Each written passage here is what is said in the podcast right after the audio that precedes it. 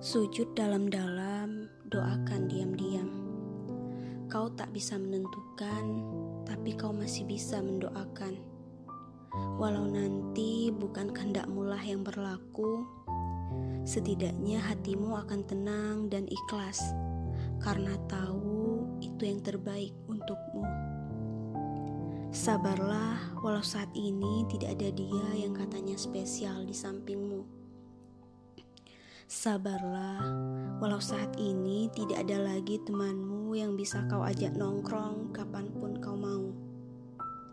Sabarlah, walau saat ini tidak ada chat yang masuk menanyakan kabarmu. Sabar dan percayalah, suatu saat nanti akan ada dia yang halal yang setiap saat mendoakan kabar baikmu, mengajakmu ke mana pun kau mau mendengarkan cerita panjangmu setiap malam, dan berbagi solusi atas masalah-masalah sepelemu itu. Bersabar dan berdoalah, karena suatu saat itu akan datang ketika hatimu benar-benar lapang dan ikhlas menerima pilihannya.